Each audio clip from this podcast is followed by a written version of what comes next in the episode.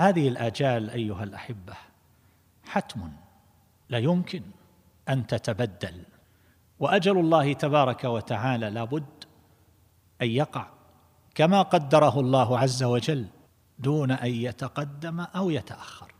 لا يمكن أن يتقدم الأجل بسبب اندفاع أو سوء تدبير أو تهور كما أنه لا يمكن أن يتأخر الأجل بحذق الطبيب أو بحصافة الإنسان أو بكمال صحته وعافيته فيموت وهو أصح الاصحاء إذا جاء الأجل. ليس به بأس. يتحدث بين أحبابه بين أهله بين أزواجه بين أولاده. ليس به علة. وفي لحظة اللحظة المحددة قالوا سقط. أرادوا أن يدركوه أن يسعفوه ولكن هيهات. حتى إذا بلغت التراقي وقيل من؟ راق. هل هناك طبيب؟ أين الطبيب؟ فالراقي عندهم في السابق يقال للطبيب للمعالج. أين الطبيب؟ وقيل من؟ راق. وظن أنه الفراق. عالم استيقن أنها نهاية العهد بهذه الحياة الدنيا والتفت الساق بالساق. إلى ربك يومئذ المساق. هنا يجازى على أعماله فلا صدق ولا صلى ولكن كذب وتولى. فكيف تكون حاله؟ كيف يكون مآله؟ فهذه الآجال أيها الأحبة حتم. لا يمكن أن تتبدل. لا يقدمها اعتلال ومرض ولا يؤخرها عافية وحذر.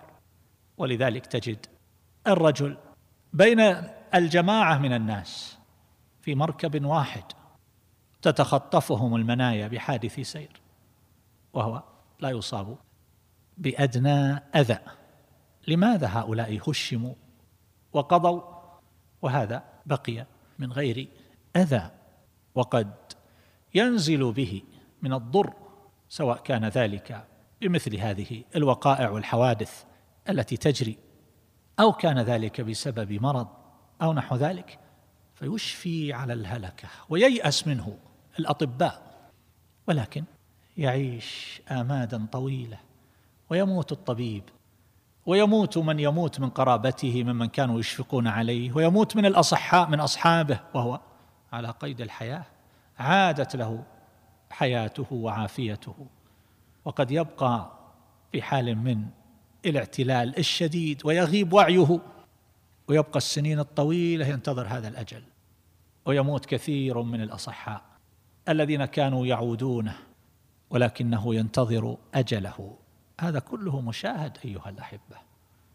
هناك حالات كتب فيها الأطباء بأنها حالات ميؤوس منها وقالوا لذويه انصرفوا به يعيش بين أهله. لربما أياما. بل قال بعضهم إنه لا يدرك يومه الذي بعد ليلته هذه. ويدعى الأبناء ويجمع الأهل ويأتون إليه يجتمعون عند رأسه في المستشفى. ثم يعيش مدة طويلة. وقد يكون هذا الإنسان في حال من الضعف طيلة حياته. ولكنه يعيش حياة أطول من أقرانه وخلانه وأصحابه الذين كان يعاشرهم وينفرد بعدهم. وقد ماتوا وقضوا جميعا. الواحد بعد الواحد. وهذا الذي كان هو الأضعف بقي. وطال عمره. وكانوا يظنون أنه في أي ساعة يودع ويرحل. هذه آجال أيها الأحبة. خلاصتها لا تقلق. فالمرض لن يقدم الأجل لكن على الإنسان أن يبذل الأسباب فقط. الاحتياط الحذر ترك التهور ترك التفريط هذا كله من باب الأسباب. لكن أن تتعلق النفس بالأسباب ويظن أنه ينجو بهذا الاحتياط الواقع أنه لا ينجو. إذا جاء قدر الله عز وجل. لكن هذه الأسباب قد تكون من جملة ما جعله الله عز وجل سببا لسلامته. الإنسان لم يكشف صفحة القدر لا يدري. فعليه أن يعمل بالأسباب ويتطبب بطب الأطباء. تداووا عباد الله فقد يجعل الله عز وجل السبب في عافيته.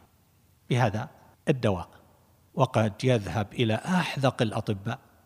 ويرحل آلاف الكيلومترات متجاوزا القارات حتى يصل إلى أمهر الأطباء ويرجع بتابوت. وآخر يبقى في باديته يشرب من ألبان الإبل ولربما لا يرجع إلى الأطباء ولا يتعاطى طبهم ويبرأ فهذا كله عند الله. خلاصته لا تقلق الآجال مكتوبة. فهذا الذي سافر هذا الذي ذهب هذا الذي وقع له مكروه هذا الذي سافر بالليل وقع له حادث ما قبل النصيحة ما سمع كذا لا تذهب من هذا الطريق اذهب من ذاك الطريق. هذا لا حاجة إليه. لابد من بذل الأسباب نعم. لكن لا ينبغي ابدا أن يقول الإنسان لو أني فعلت كذا لو أنه فعل كذا فهذه التي تفتح عمل الشيطان.